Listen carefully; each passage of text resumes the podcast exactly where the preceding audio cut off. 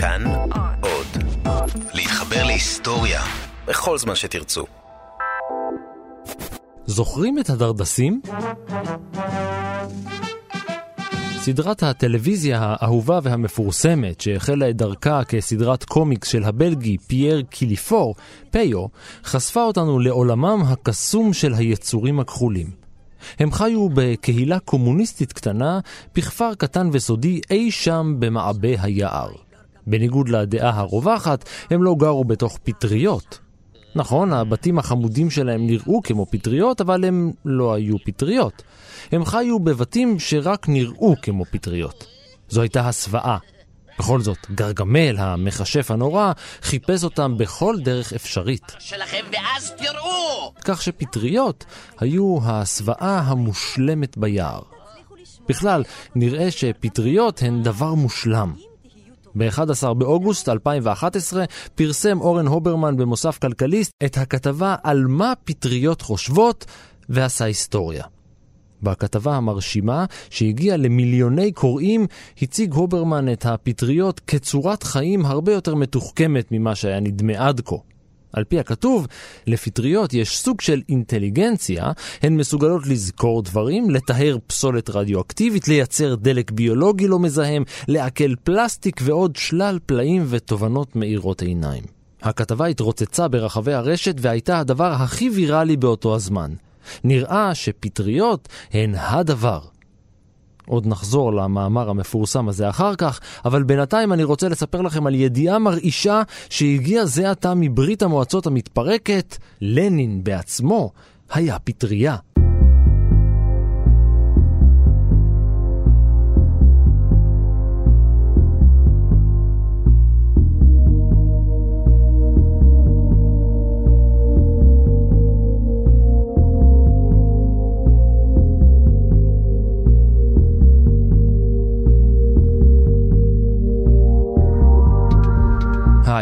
אני ערן מנהר ואתם על מנהר הזמן. מדי פרק אנחנו מספרים לכם על מקרה שקרה בעבר מזווית שכנראה עוד לא הכרתם. הפעם אנחנו חוזרים לסוף ימיה של ברית המועצות, אל אחת הידיעות המוזרות, ההזויות והמצחיקות שעשו כותרות והיו אמת לאמיתה עבור מיליוני אנשים. ולדימיר איליץ' אוליאנוב, לנין, היה בעצם פטריה.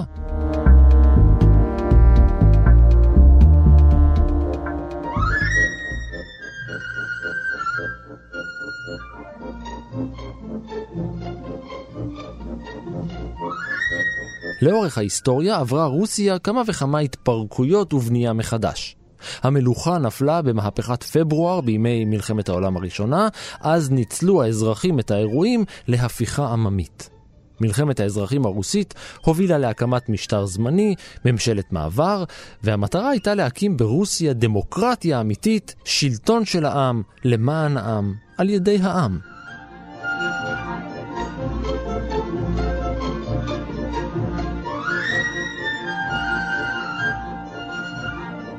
רוסיה היא, היא לא רק מלוכה, היא אימפריה. הצאר הוא לא רק מלך של ארץ כזו או אחרת, אלא גם כן אימפרטור על גבי אימפריה שחולשת על סדר גודל. בימי המהפכה של משהו כמו רבע מכלל השטח היבשתי שעל גבי כדור הארץ מדובר במפלצת אמיתית. זהו פרופסור יונתן דקל חן, ראש החוג ללימודים רוסיים וסלאביים באוניברסיטה העברית. עכשיו, אותו הצאר הוא אחרון, נצר, משפ... הוא הנצר האחרון למשפחת הרומנובים ששלטו כצארים במלכים ולאחר מכן הכתירו את עצמם כצארים באימפריה הרוסית מ-1613, שושלת שהחזיקה מעמד הרבה מאוד זמן במונחים אירופאיים. מלך אוטוקרט, מלך שלהבדיל מהמלכים בבריטניה, בצרפת, במידה רבה גם כן בגרמניה, מלך שהוא היה כמעט ובלתי מוגבל בכוחו, פרלמנט פעיל ממש. לא היה, היה פרלמנט אה, למחצה. זה היה פרלמנט כמעט ללא סמכויות אמיתיות. ולכן הצאר וחצרו אה, יכלו לשלוט באופן די ישיר ברוסיה. זה לא אומר ששלטו בהכרח באופן אפקטיבי, אבל לפחות על פני הדברים, הם, הם מדובר באוטוקרט שאין לו מגבלות אה, ברורות, פרלמנטריות בוודאי שלא. ולכן כאשר הקץ מגיע בפברואר 1917, אה, זה מפתיע כמעט את כולם. כמעט את כולם. כי אין לנו כאן אה, מהפכה עממית של ממש, לא בפברואר ולאחר מכן גם לא אצל הבולשביקים, אלא אה, מהפכות של, של קבוצות יחסית קטנות לאוכלוסייה עצומה של רוסיה, שהם מיקדו מאמץ, נקרא לזה כך. יכלו לעשות את זה בפברואר מהסיבה המאוד פשוטה שרוסיה כ- כאימפריה, כמדינה, כ- כשיטת ממשל, הייתה בקריסה בעקבות כישלונות רצופים וקושי עצום לנהל מלחמה במסגרת מלחמת העולם הראשונה, כאשר האוכלוסייה המקומית רעבה ללחם ממש, אה, לא ראו לזה סוף. החיילים כבר מתוסכלים לחלוטין, כי הם פשוט נשחטים ללא כל סיבה ברורה כנגד הצבא הגרמני והאוסטרו-הונגרי. ולכן כאשר הצאר, ניקולאי השני, כן נופל, הוא אה, נופל, לא, נופל לא ברעש גדול, אלא בסוג של אה, גחמה. אבל משהו השתבש בדרך להגשמת החזון הדמוקרטי הרוסי. משהו ממש השתבש.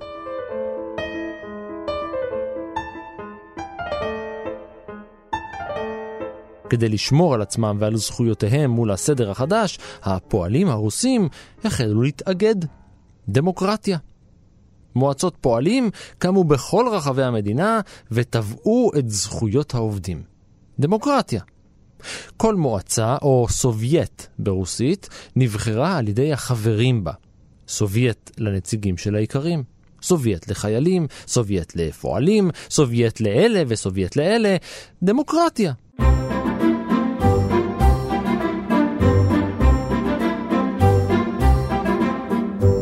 עד חודש מרס של 1917 פעלו ברוסיה מאות סובייטים. כתוצאה מכך, לכל מועצה שכזו היה כוח אדיר, וביחד הם היו שלטון של ממש. עם כוח שווה ערך לזה של ממשלת המעבר, ואולי אפילו גדול משלה. הבעיה, כמו תמיד, הייתה עם הקיצוניים. הבולשביקים הם חלק של תנועה גדולה מאוד, התנועה הסוציאל דמוקרטית הכלל אירופאית, הפלג הרוסי. ב-1903, עוד הרבה לפני שמישהו חשב על מהפכות ברוסיה, או שממש ראה אותם בעיניים, כמסורת התנועות שמאל בכלל בעולם, היה פילוג בתנועה הסוציאל דמוקרטית הרוסית.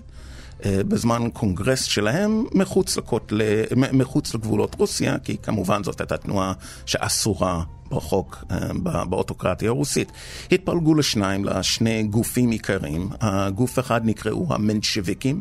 והפלג הפורש, יותר קיצוני, הוא נקרא הבולשוויקים. כשאנחנו מתגלגלים אי שם לכיוון של פברואר-מרץ של 1917, עם המהפכה הראשונה, הבולשוויקים לא לוקחים חלק.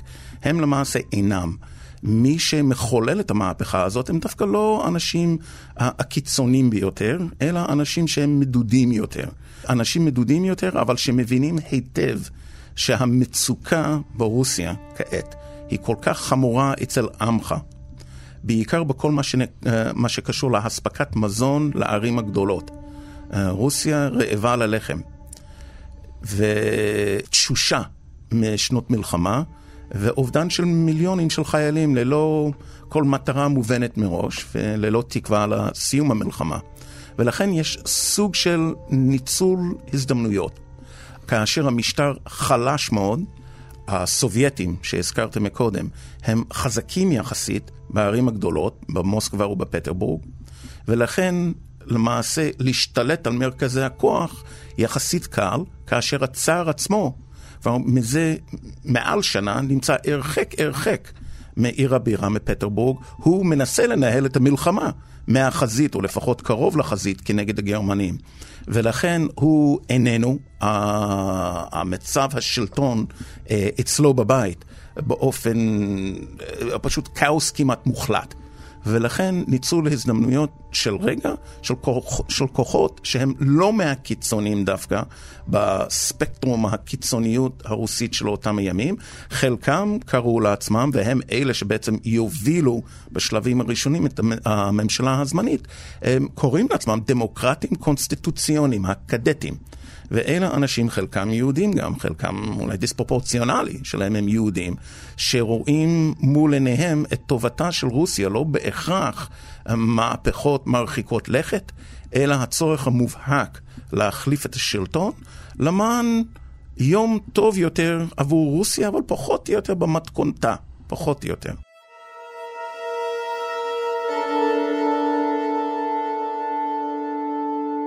חלק מהסובייטים, המועצות המייצגות, נשלט על ידי הבולשביקים. ואלה לקחו את הסוציאליזם צעד אחד קדימה.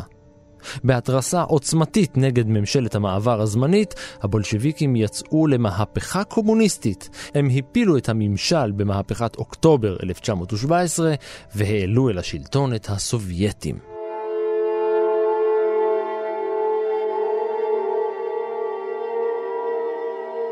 אבל כאן לא תמו הצהרות של רוסיה. במעט החודשים האלה בין המהפכה המנצ'וויקית של פברואר 1917 וה, והמהפכה הגדולה הקבועה יותר של הבולשוויקים ב-1917, יש הרבה מאוד תמורות. הבולשוויקים למעשה לא, לא היו איזשהו כוח מאוד מאורגן שגם הייתה להם תכלית של השתלטות. אה, אלא זה ימתין, ואם ההשתלטות של המנשוויקים בפברואר 1917 היא הייתה השתלטות אה, כמול אוטוקרטיה קורסת, אז יש כמה אנקדוטות נחמדות שהבולשוויקים יוזמים את הרגע באוקטובר 1917 כדי להשתלט על הממשלה הזמנית, אה, אין כמעט התנגדות כלל. למעשה הממשלה המנשוויקית, הממשלה הזמנית הזאת, לא הצליחה לתפקד כי הייתה לה טעות פטאלית. הם החליטו כנגד רצון העם באופן מוחלט לשאר במעגל המלחמתי ולהמשיך ללחם את המלחמה הזאת כנגד גרמניה ואוסטרו-הונגריה. הדבר הזה אה, אה, למעשה גרם לכך, ראשית כל, שההתרוששות הכלכלית ומאזן המזון הלך והידרדר, אבל לא פחות חשוב, אה, האוכלוסייה שבראשית הדרך, בראשית דרכה של הממשלה הזמנית, מאוד התלהבה, מאוד. אה, אבל התאכזבו מהר מאוד גם כן, כאשר התברר לא רק שלא יוצאים ממעגל המלחמתי, אלא גם אה, יצאו בקיץ של 1917 למתקפה גדולה מאוד כנגד הצבא הגרמני, כדי לעמוד בהתחייבויות מול בעלות הברית, ונכשלו שוב. אה, התחילו עריקות רבתיות של חיילים מהצבא האימפריאלי, אה, ומכאן הדרך אל המהפכה יחסית שקטה של הבולשביקים היא הייתה קצרה, לא מדובר במפלגה גדולה או עממית. זה סיפור שאנחנו ש... אה, כביכול למדנו אותו מה, מה, מהתעמולה. מדובר במפלגה שיש לה בקושי 16 אלף פעילים ממש ברחבי האימפריה הרוסית ברגע של ההשתלטות אה, במדינה שיש לה עשרות מיליונים אה, של נתינים, של, של אזרחים. הסובייטים הבולשביקים, המועצות הקומוניסטיות בעצם, הפכו את כל אמצעי הייצור במדינה ללאומיות. כל מי שגידל חיטה, השדה והתוצרת היו שייכים למדינה. כל מי שייצר משהו במפעל, הכל היה שייך לאימא רוסיה. המתנגדים לשלטון החלו להרים את הראש. אה, עם המהפכה, עם המהפכה הבולשביקית באוקטובר 1917, אה, כיוון שמדובר פה בסוג של אה, מהפכה או השתלטות על מרכזי כוח, בכל מקום אחר, איפה שיש נאמני המשטר שהיה. כלומר, המשטר האוטוקרטי, מתארגנות יחידות צבאיות.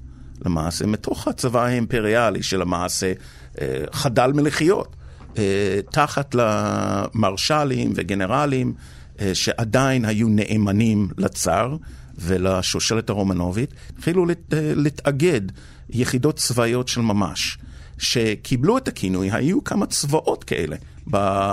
מסביב לאימפריה הרוסית, פחות או יותר במקום שבו סיימו את, את, את חלקם במלחמת העולם, אה, ומתחילים למעשה להתארגן כדי לפלוש אל תוך רוסיה הסובייטית החדשה האדומה ולפרק אותה.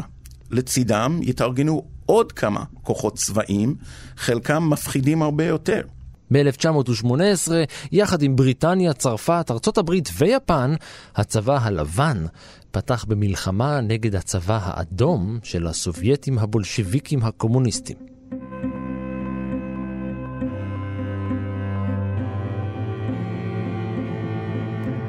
הייתה מוזאיקה של אלימות. כפי שאמרת, היו את הצבאות של הלבנים, היו כוחות משלוח, צבאות משלוח של בעלות הברית, עוד מימי המלחמה. ששלחו את אותם החיילים שעד לא מזמן נלחמו כנגד הגרמנים וכנגד העות'מאנים, אה, שלחו אותם לפלוש לרוסיה הסובייטית, גם להפיל את השלטון, אבל לא פחות חשוב, וזה נשכח. אה, לא פעם, כדי להשיב את הרכוש. מכל המדינות האלה היו אזרחים פרטיים שהשקיעו רבות בשטחה של האימפריה הרוסית. כל זה הולאם, והצבאות האלה, בין שאר המשימות, היו אמורים להשיב את הרכוש. עכשיו, אלה כוחות יחסית מסודרים. חילות המשלוח וגם הצבאות הלבנים במידה מסוימת הייתה להם היררכיה צבאית, פיקוד צבאי. לצידם מתארגנים עוד כמה אה, אה, כוחות מזוינים. קודם כל היה צבא צ'כי, שגם הוא נשכח בדפ, על דפי ההיסטוריה. היו אה, שבויי מלחמה צ'כים, שהם נלחמו כנגד האימפריה הרוסית במדים של הצבא האוסטרו-הונגרי. לזכור שהיו ימים שהשטחים הצ'כים היו תחת לשלטון של הקיסר ההבסבורגי. היו גם אה, מספר צבאות שספק צבאות, ספק כנופיות, שהתארגנו אה, באופן די ספונטני בשטח, פחות או יותר בניצול הזדמנויות, בכדי לנצל את הוואקום הזה של משילות. הרי אף אחד לא שולט ממש במרבית השטחים של האימפריה הרוסית שהתפרקה. והיה גם הצבא הירוק, העיקרים, והצבא השחור, האנרכיסטים, מיליציות עצמאיות. הנודע שבהם הוא לא היחיד, אבל הנודע שלהם בוודאי בתודעה היהודית, אחד בשם מחנו, שהוא הקים צבא של איכרים, ואולי מכלל הצבאות שהסתובבו, או יחידות האלימות שהסתובבו בשטחים האלה, בין 1919 עד 21, הצבא של מחנו, של האיכרים, הוא היה הרצחני ביותר בכל מה שקשור לפוגרומים כנגד יהודים.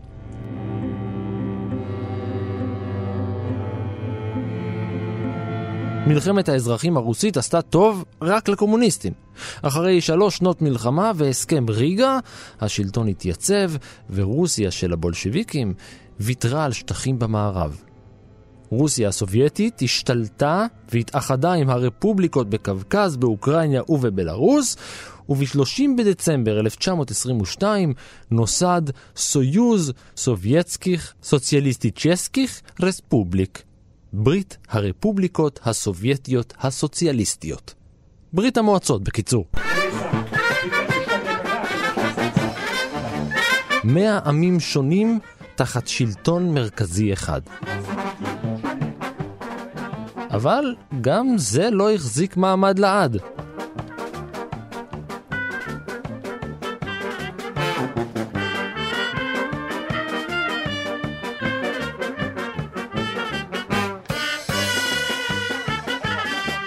מי שהנהיג את הבולשביקים בהשמדת החלום הדמוקרטי במהפכת אוקטובר ובזמן הקמת המדינה החדשה היה אחד, ולדימיר איליץ' אוליאנוב.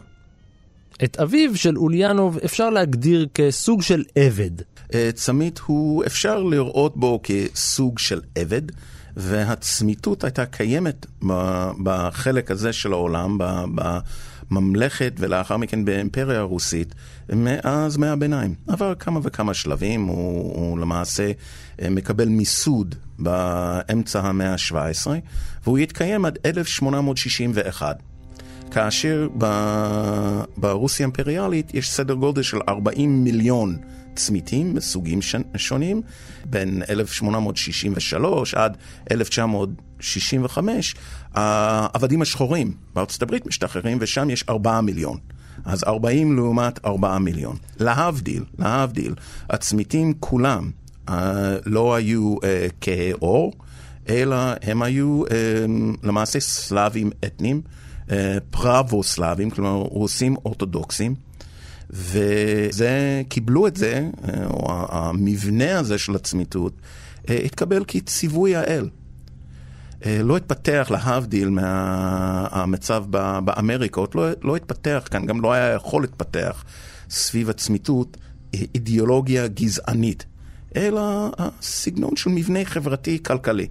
הצמיתות הייתה בנויה על כך שהצמיתים הם אינם הרכוש של האצולה, אלא הם מקובים לקרקע, הם צמודי קרקע.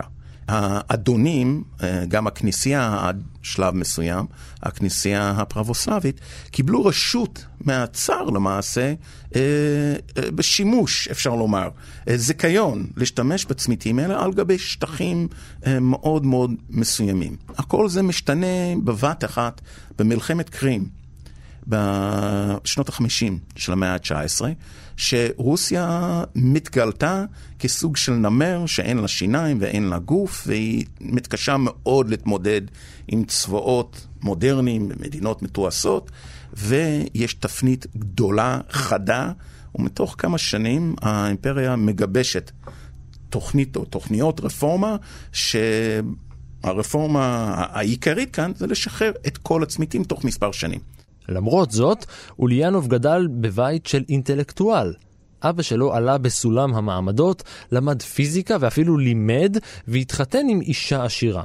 שניהם אגב תמכו בשלטון המלוכני ונמנעו בדרך כלל מכל קיצוניות פוליטית. הם הביאו לעולם את ולדימיר ב-22 באפריל 1870, שזכה לניקניים וולודיה. הוא היה אחד משמונה ילדים.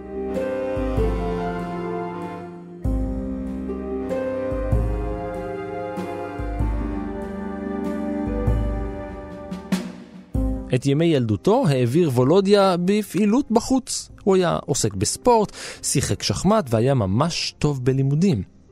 כשהיה בן 15, בזמן שאביו מאבד את שפיותו ובסופו של דבר מת כתוצאה מגידול במוח, אחיו האהוב אלכסנדר למד באוניברסיטת סנקט פטרבורג.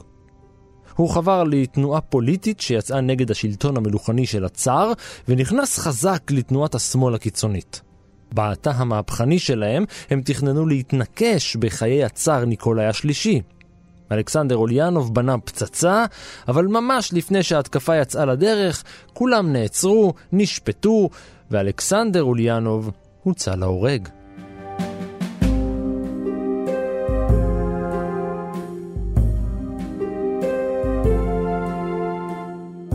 האירועים החמורים האלה לא השפיעו על הישגיו של אה, וולודיה אוליאנוב הצעיר וההמום. הצלקות נותרו בנפשו, אבל את הלימודים הוא סיים בהצטיינות. הוא זכה במדליית זהב על הישגיו, והלך ללמוד משפטים באוניברסיטת קזאן. זה היה צעד מכונן. אוניברסיטת קזאן היא אוניברסיטה אה, מהאוניברסיטאות הראשונות שהוקמו באימפריה הרוסית, אה, עוד במאה ה-19. אמ, אוניברסיטת קזאן, אולי זה יפתיע את המאזינים, אבל מדובר במוסד מחקר מהטובים בעולם של אותם ימים. אה, בעיקר בכל אה, מה שקשור למדעים העיוניים, כימיה, מתמטיקה, הם מצליחים אה, לייצר שם כמה מהגאונים ממש של המאה ה-19 בתחומים האלה. אמ, בכל מה שקשור למדעי הרוח, מדעי החברה, כפי שאנחנו מכירים אותם היום, אה, קצת פחות, מהסיבה הפשוטה שהמשטר הצארי אמ, במהלך המאה ה-19, אדרבה, החל משנות ה-30-40, התחיל להיות מאוד מודאג מהחדירה של רעיונות מהפכנים בתוך האימפריה הרוסית. והדרך אה, להתמודד עם, ה... או אחת הדרכים להתמודד עם החדירה הזאת, היה פיקוח הדוק על הנלמד באוניברסיטאות.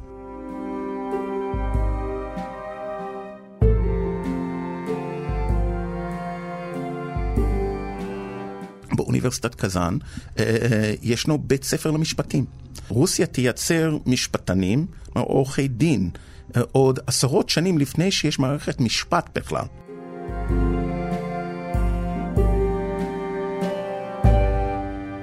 מיד עם כניסתו לאוניברסיטה, בקיץ 1887, הוא הצטרף לאגודת סטודנטים, שבחרה אותו להיות הנציג שלה באגודת האוניברסיטה. התפקיד הפוליטי הראשון שלו. והמהלך הראשון שעשה היה ארבעה חודשים לאחר מכן, כשהשתתף בהפגנה נגד החלטת הממשלה להגביל את התאגדויות הסטודנטים. הוא נעצר, הואשם בהובלת ההפגנה ונזרק מהאוניברסיטה. יותר מזה, אוליאנוב גורש על ידי משרד הפנים והוגלה אל חלקת המשפחה בקוקושקינו, איפשהו ברוסיה הטטרית. כפי שאפשר לצפות, ולדימיר אוליאנוב לקח את זה אישית. הוא התבצר עוד יותר בעמדותיו והחל להתעניין במהפכה. איך עושים את זה? לאחר מאמצי שכנוע, הוא הורשה לשוב אל קזאן, אבל לא לאוניברסיטה. כיוון שכך, הוא הצטרף לחוגים מהפכניים מחתרתיים. הוא קרא את רעיונותיו של קרל מרקס, ורעיון המהפכה הקומוניסטית ניצת במוחו. מה שמרקס אמר, אה, אה, מצד אחד זוהי אמירה אידיאולוגית, אה, איך הוא מאמין שהעולם צריך להיראות, אבל גם תוכנית פעולה. תוכנית פעולה לא מדויקת, אבל לפחות איזושהי מפת דרכים איך מגיעים לעולם אוטופי, שבו האי צדק שמרקס מזהה בשנות ה-40 של המאה ה-19, האי צדק באירופה במיוחד, איפה שהוא שוהה במרכז אירופה וגם במערב אירופה, אה, ניתן לתקן אותו, למעשה למחוק אותו, ולחולל עולם חדש, כאשר החלוקה של המשאבים שישנם בעולם תהיה אחרת. והיא לא, החלוקה הזאת לא תתרכז בידיים של מעטים על גבם של הרבים, אלא החלוקה תהיה חלוקה שוויונית יותר. המרקסיזם היא תיאוריה סוציופוליטית, לפיה החברה מתפתחת בשלבים, מה שמוביל למאבק בין שכבות החברה. לפי המרקסיזם, חברה קפיטליסטית תפנה את מקומה לחברה סוציאליסטית, וזו תוחלף על ידי חברה קומוניסטית. הוא למעשה אה, מהראשונים להתחיל לחולל את המפת דרכים הזאת, אה, כיצד מובילים את העולם למקום שבו המעמדות האלה יימחקו. החסימות שבין אנשים הן חסימות מעמדיות, חסימות אתניות, חסימות דתיות, יורדו, בכדי להגיע למקום שאין בו צורך במדינות לארגן את החיים, אלא איזושהי אמונה, יהיו כאלה שיאמרו, אמונה נאיבית בבני האנוש, שהם יכלו לנהל את עצמם אה, הרבה יותר טוב מאשר מדינה, ובוודאי מעמד גבוה אה, מסוגל לנהל אותם. שוב, למען צדק אוטופי. ב-1889 תרגם אוליאנוב את אחד ממנשריו הפוליטיים הידועים ביותר של מרקס, המניפסט הקומוניסטי. הוא האמין בכל ליבו שרוסיה עוברת מחברה פאודלית אל קפיטליזם, ולכן, על פי מרקס, הסוציאליזם יהיה נחלתם של מעמד הפועלים ולא של מעמד האיכרים. באותם הימים, צריך להבין, הרעיון ששלט בקרב המהפכנים הרוסיים היה כי דווקא האיכרים, החקלאים ובעלי המשקים, הם אלה שייצרו קומונות חזקות מספיק כדי לעקוף את השלב הקפיטליסטי. לא רק שהרעיונות של אוליאנוב היו מהפכניים, הם היו מהפכניים גם עבור המהפכנים עצמם.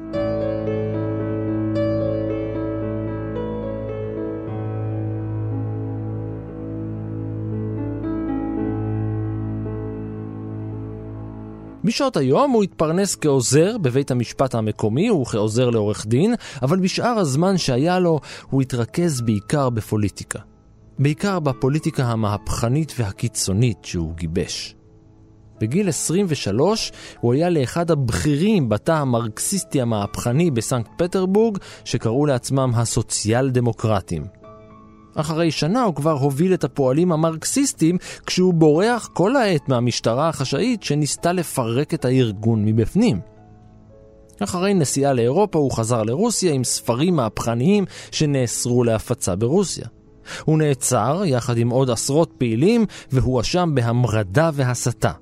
הוא נותר במעצר במשך שנה. כיוון שסירב לייצוג משפטי והכחיש את כל המיוחס לו, אחרי שנה הוא נידון ללא משפט לשלוש שנות גלות בסיביר. אבל כדי להגיע לשם זה לקח זמן. כמה זמן? כמעט שלושה חודשים של מסע.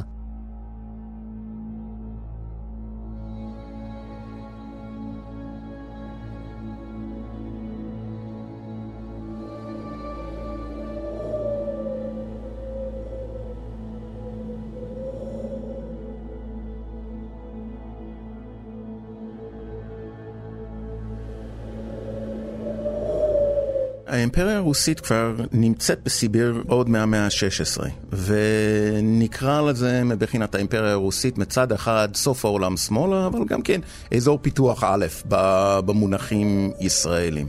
אה, זה אזור שהמשטר בסך הכל מעוניין לפתח. הוא מבין בפוטנציאל שלו עוד אה, מאה שנים לפני שגילו שיש שם כמובן אה, נפט וגז ומחצבים יקרים. יש הבנה שלמקום הזה יש איזשהו ערך. יחד עם זה, זה רחוק. זה רחוק. אז אם יש אנשים בעייתיים, אה, בעייתיים אגב גם פושעים פשוטים. זה אחד מצעדי הענישה המקובלים באימפריה הרוסית. לשלוח אנשים למקום שיפריעו פחות.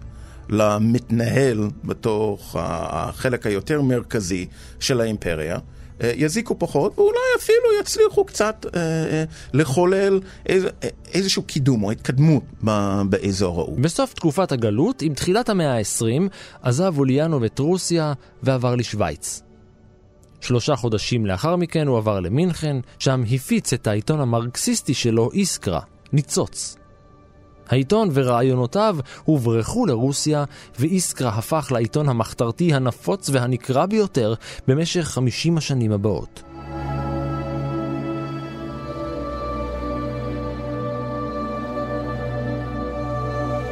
בדצמבר 1901, על שם הנהר לנה, הוא התהדר בשם עט, איתו הוא חתם את מאמריו. לנין.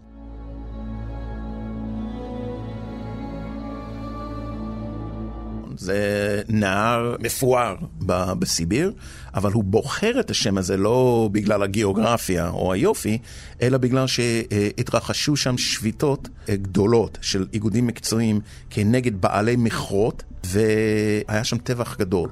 כוח שיטור, צבא, לא בדיוק ברור מה, אה, שפעלו לטובת אה, בעלי המכרות האלה, ונשחטו עשרות אה, עובדים. זה היה סוג של רגע מקונן.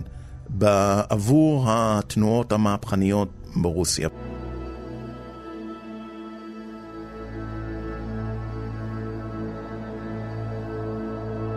בכנס של המפלגה הסוציאל דמוקרטי ב-1903 התגלעו חילוקי דעות בין תומכיו של לנין ומתנגדיו.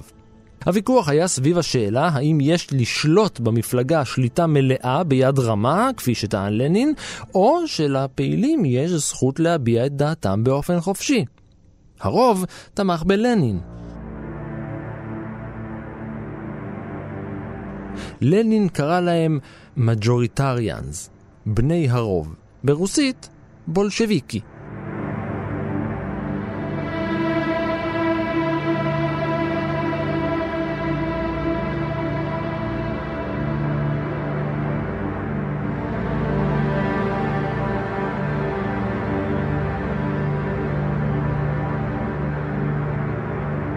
ב-1905, אחרי מיני מהפכה אלימה וכמה רפורמות של הצאר ניקולאי השני, לנין היה נחוש להפוך את השלטון במדינה.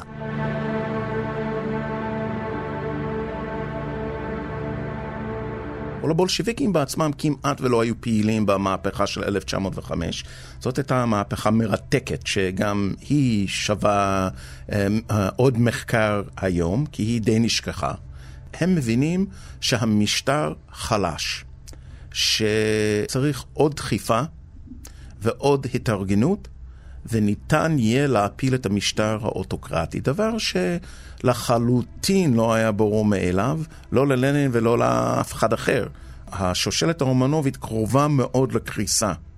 מה שהוא לומד, אבל שהנה, אם זה ניתן לסחוט או לאלץ את הצאר לעשות, להקים למעשה פרלמנט. בפעם הראשונה בהיסטוריה של האימפריה הרוסית, להקים פרלמנט.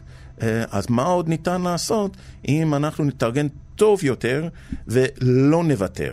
בהנחייתו, הבולשיביקים החלו בסדרת פשיטות אלימות ונפשעות על סניפי דואר, רכבות ובנקים.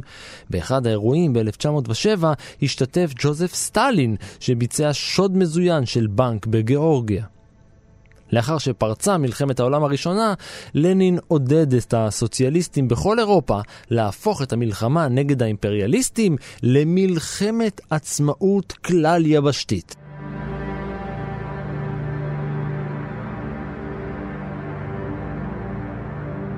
בסוף המלחמה, אחרי שנספרו 17 מיליון הרוגים ו-20 מיליון פצועים, לנין עמד בראשה של ממשלה רוסית. ואז, בראשה של רוסיה כולה.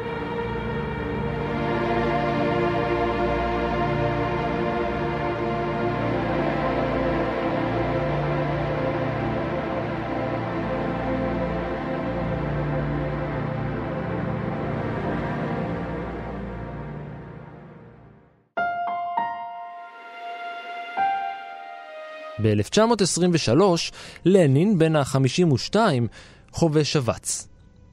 זה היה השבץ השלישי שהוא חווה בחייו, והפעם הוא איבד את היכולת לדבר. כן, לא היה חובט עצים כנראה אף פעם. אה, כוחו היה כנראה מהצוואר ומעלה, ולא מהצוואר למטה.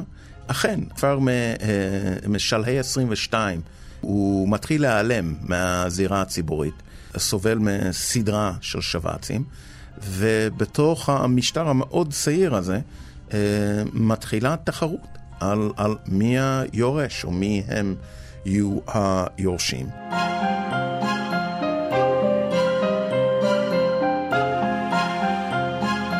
בתחילת 1924 הוא נכנס לקומה, ועוד באותו היום, ב-21 בינואר, הוא הלך לעולמו.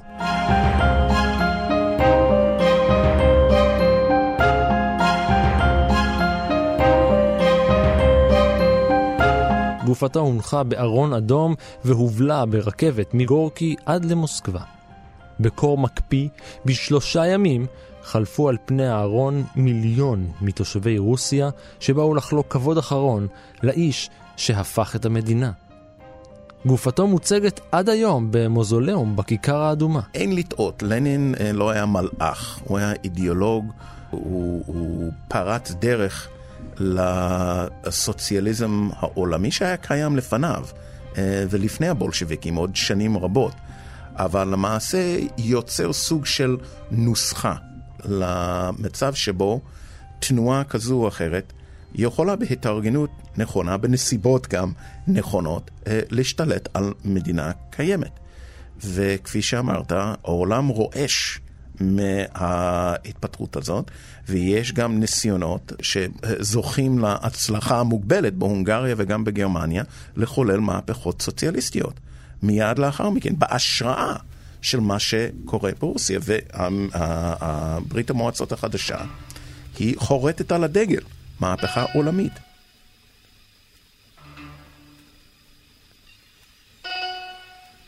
שנים חלפו. על כס השלטון עלו וירדו מנהיגים, מלחמות פרצו והסתיימו, מלחמה קרה איימה להפוך לחמה, עד שהגיע מיכאיל גורבצ'וב.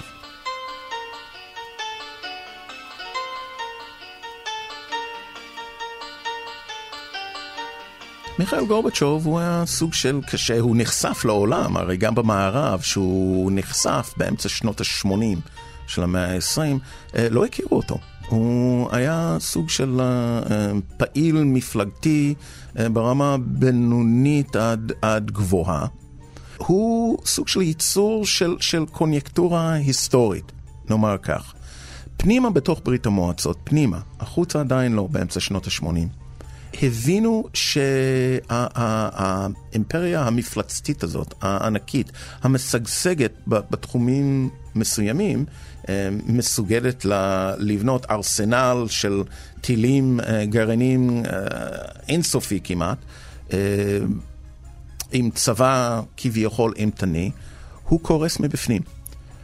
קורס מבפנים והאוכלוסייה כולה מחפשת כבר פתרונות אחרים. המשטר הקומוניסטי היה רקוב. השחיתות השלטונית הגיעה לכל מקום, והאזרח הפשוט והסובייטי לא ויתר על האגואיזם הטבעי שיש בכל בני האדם. הכלכלה הייתה חולה, ולמרות מאמצים בשנות ה-60, המצב הלך והידרדר. דיברנו על הרעב הגדול של רוסיה בפרק יש ברירה, כאן במנהר הזמן.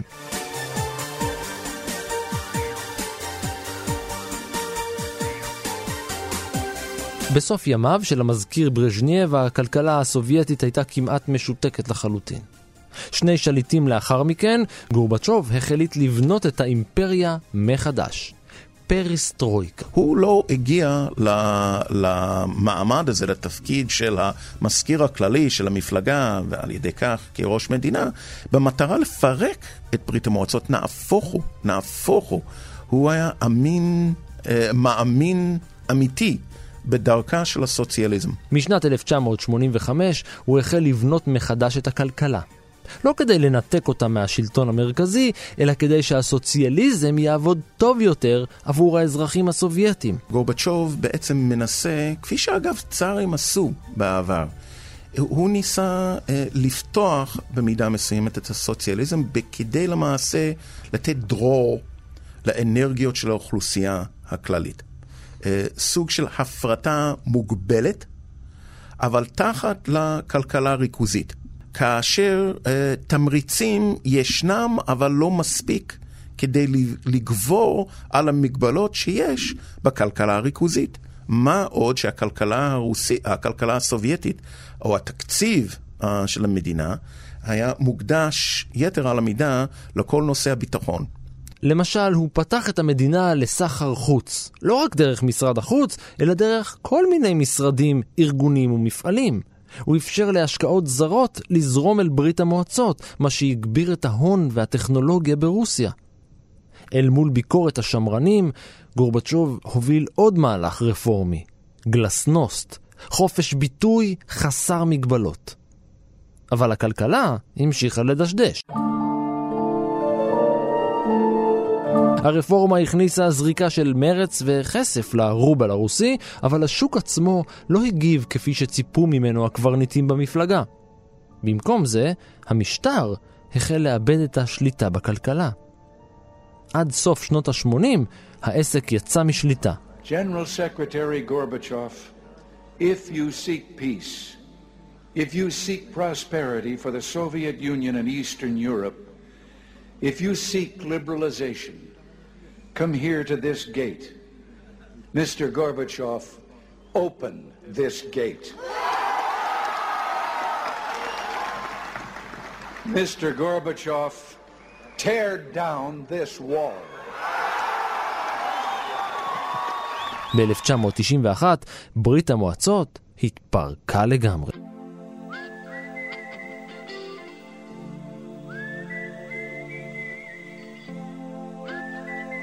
טוב, רגע, אז מה עם הפטריות? או, הנה זה בא.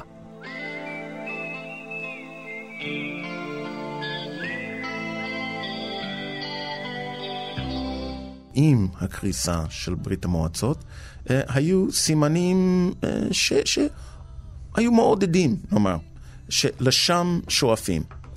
אבל במציאות, היום בדיעבד אנחנו יודעים, האזור לא היה מוכן למעבר חד כל כך, כאשר אין תשתיות וגם אין מורשת, לא לדמוקרטיה וגם לא לגישה ליברלית ברוב הנושאים. אה, רמת החיים ואיכות החיים, לא פחות חשוב, ירדו פלאים בעשר השנים האלה. פנסיות שאנשים אה, עבדו למענן שנים רבות, נעלמו בן לילה, עם, עם קריסתה של ברית המועצות, עוד לפני, כמה שנים לפני, אה, אה, כבר הציבור, אה, לא, ספק אם הציבור הגדול אי פעם האמין לתקשורת המגויסת של המשטר הקומוניסטי. תמיד בלע את זה עם, עם קריצה או עם גרגיר מלח, אבל כבר היה ברור לכולם ש, שאין על מי לסמוך כאן. ובהחלט, לאחר 91, יש תקשורת ביקורתית חריפה, מעורבת שהציבור אה, מקבל את העניין הזה. אבל אה, זה לא הסתדר להם כל כך עם העובדה שרמת חיים, איכות חיים, תוחלת החיים, הכל בירידה. במהלך הכנת הפרק הזה אמר לי יוצא מדינות חבר העמים שהאזרחים, שבמשך עשורים הורגלו לקבל את כל המידע שלהם מהעיתונים ומהטלוויזיה של המשטר, האמינו לכל דבר שנאמר או נכתב בתקשורת. כשמסך הברזל נפל, במשך הרבה מאוד זמן זה לא השתנה. הם המשיכו לקבל את כל מה שנאמר באמצעי התקשורת כאמת לאמיתה, במיוחד אם מדובר בעיתונאים. ואת התמימות הזאת ניצל הזמר סרגי קוריוכין.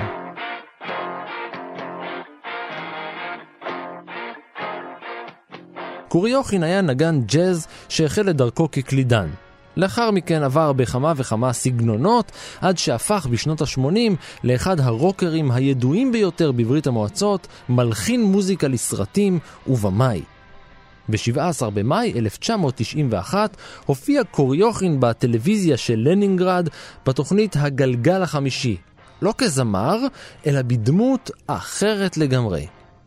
הוא התחזה להיות היסטוריון, ובריאיון בזהות הבדויה הגיש את ממצאי המחקר שלו, לפיו במהלך חייו ולדימיר לנין צרך כמות כה גדולה של פטריות הזיה, עד שבסופו של דבר הוא הפך לפטריה בעצמו.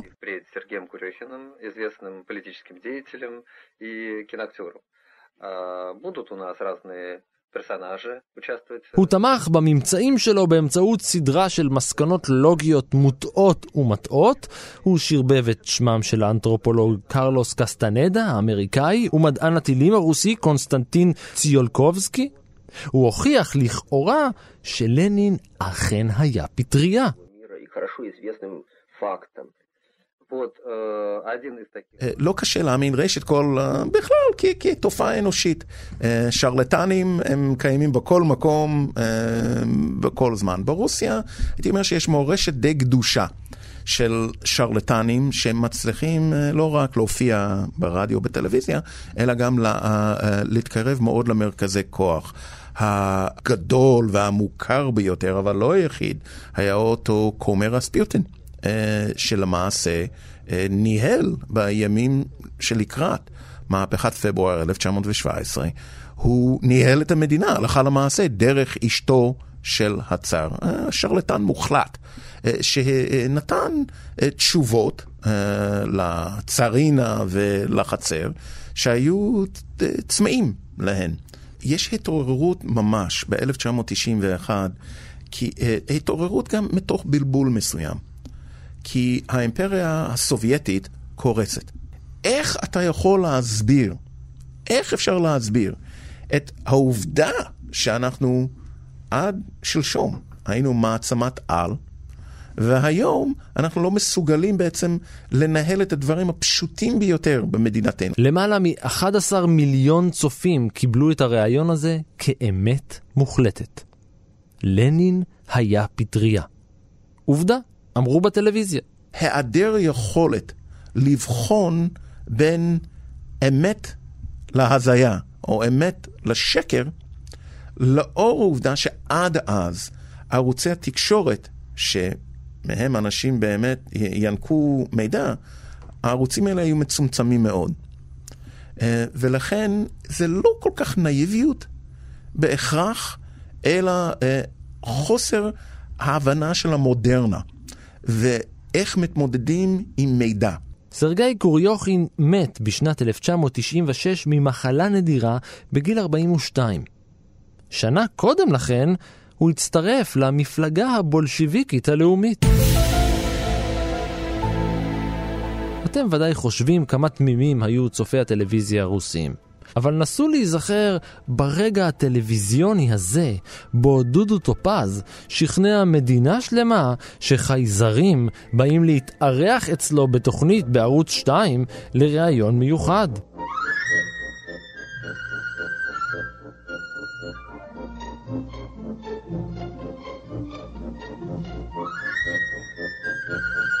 ולכן לא ציפיתם שהכתבה הוויראלית "מה פטריות חושבות" תעבור מתחת לרדאר של הציניקנים וכותבי הביקורות הישראלים, נכון? כתבתו של הוברמן עוררה גלים. לאחר שבועיים טען עידו גנדל בננה 10 כי המסקנות שהוצגו בכתבה היו קצת יותר מדי, וגם הבלוגר האלמוני שמסתתר מאחורי השם יהודה בלו הצביע על טעויות רבות, חלקן סמנטיות, חלקן מהותיות.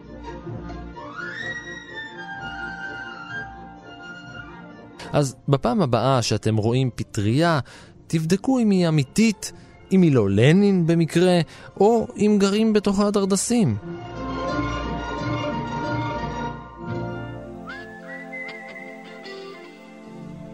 ועד כאן מנהר הזמן להפעם. בשבוע הבא, הפרק המאה של מנהר הזמן. אל תחמיצו את הפרק המיוחד שלנו שהוקלט לייב מול קהל.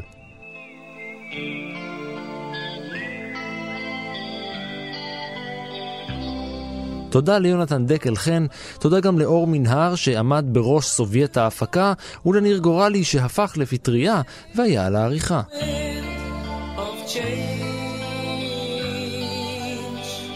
מנהר הזמן משודרת מדי יום שני בשעה 4 ברשת כאן תרבות. אני ערן מנהר, נשוב וניפגש בפרק המאה.